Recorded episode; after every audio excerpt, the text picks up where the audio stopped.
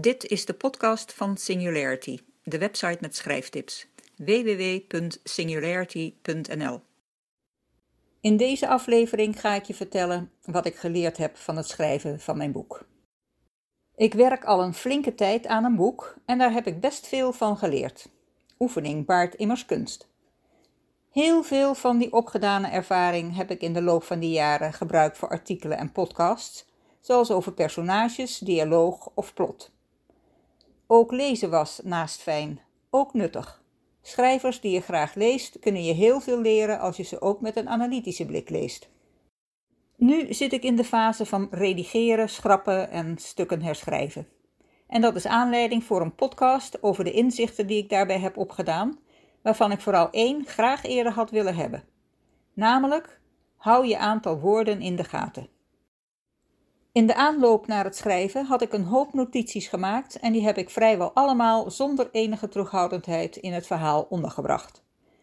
En ook tijdens het schrijven had ik steeds invallen. Zou dit niet een leuke actie, uitspraak of scène zijn voor zus en zo personage? En zou deze niet een leuke subplot opleveren? Hop, ook erin. Nog afgezien van de vraag of al die uitweidingen, grapjes, ideetjes enzovoort wel pasten in het verhaal, ze vergroten ook het aantal woorden enorm. Toen mijn versie 1 klaar was, had ik ruim 185.000 woorden. Niet dat ik dat erg vond, integendeel. Een lekker dik boek, prima toch? Nou, niet zo prima als je een beginnende schrijver bent. Want hoe dikker het boek, hoe lastiger het uitgeven. Zelf uitgeven wordt erg kostbaar. Wil je dat een uitgever het doet?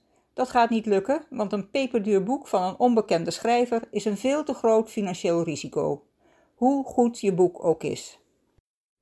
Even tussendoor, als publiceren niet je doel is, maakt de grootte natuurlijk niet uit.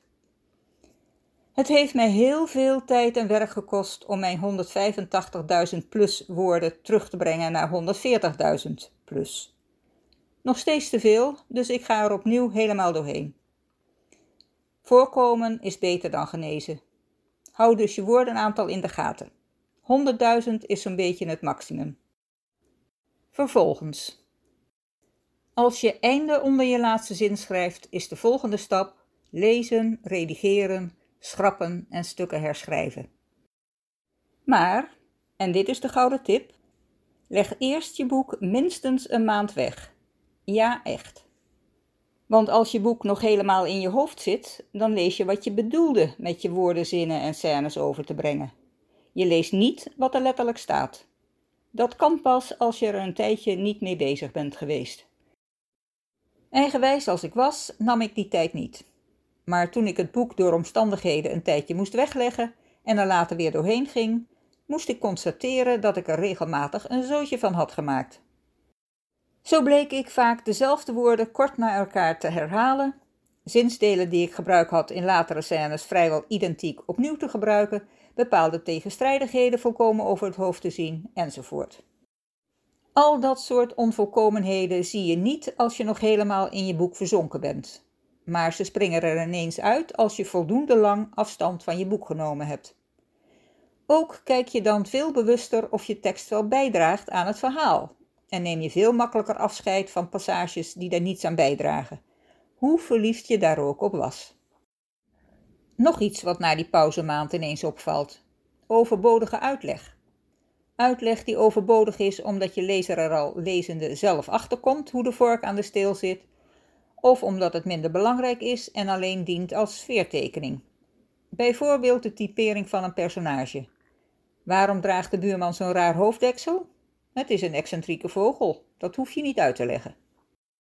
Als je iets wat verder geen rol speelt omstandig uitlegt, kun je onbedoelde verwachtingen scheppen. Niet goed voor je boek.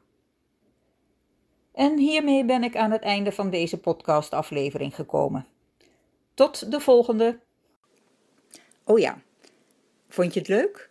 Heb je er wat aan? Maak me dan blij door het te delen. Dankjewel.